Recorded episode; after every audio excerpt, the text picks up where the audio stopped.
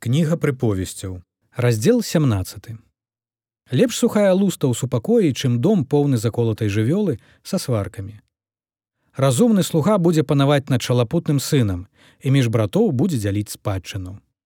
Літавальны гаршчок для срэбра і горан для золата, а сэрцы выпрабоўвае Господ. Ліхотнік зважае на вусны нягоднае, хлус слухае язык загубны. Хто насміхаецца з беднага, той зневажае творцу яго, і хто цешыцца з няшчасця, не пазбегне пакарання. Карона старых сыны сыноў і слава сыноў бацькі іхныя. Не пасуе бязглуздаму паважная мова, тым больш шляхетнаму вусны брахлівыя. Хабар каштоўны камень у вачах гаспадара яго, куды толькі звернецца ён, будзе мець поспех. Хто прыкрывае правіну, шукае любові, а хто паўтарае слова раздзяляе сяброў. Мацней дзейнічае нагана на разумнага, чым сто удараў на дурнога. Лихадзей шукае толькі непаслухмянства, таму бязлітасны анёл будзе пасланы супраць яго. Лепш спаткаць мядзведзіцу пазбаўленую дзяцей, чым дурня ў яго неразумнасці. Хто адплочвае злом за дабро, у таго зло не адыдзе ад дому ягонага.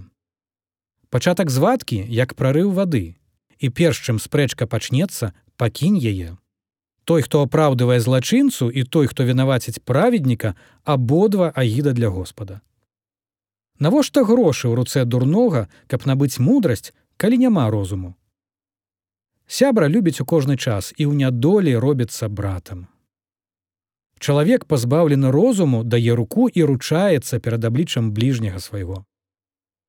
Хто любіць сваркі любіць грэх і хто падымае высока вароты свае, шукае загубы.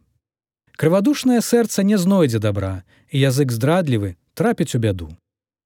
Хто нараджае неразумнага, на смутак сабе, і бацька бязглуздага не будзе цешыцца.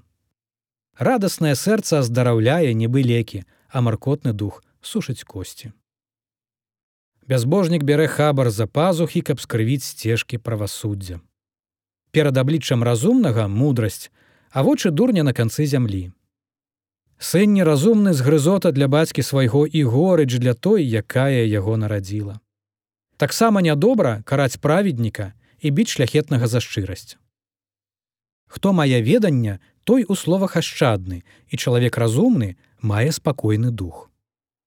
Таксама і неразумны, калі маўчыць лічыцца мудрым і калі закрывае вусны свае разважлівым.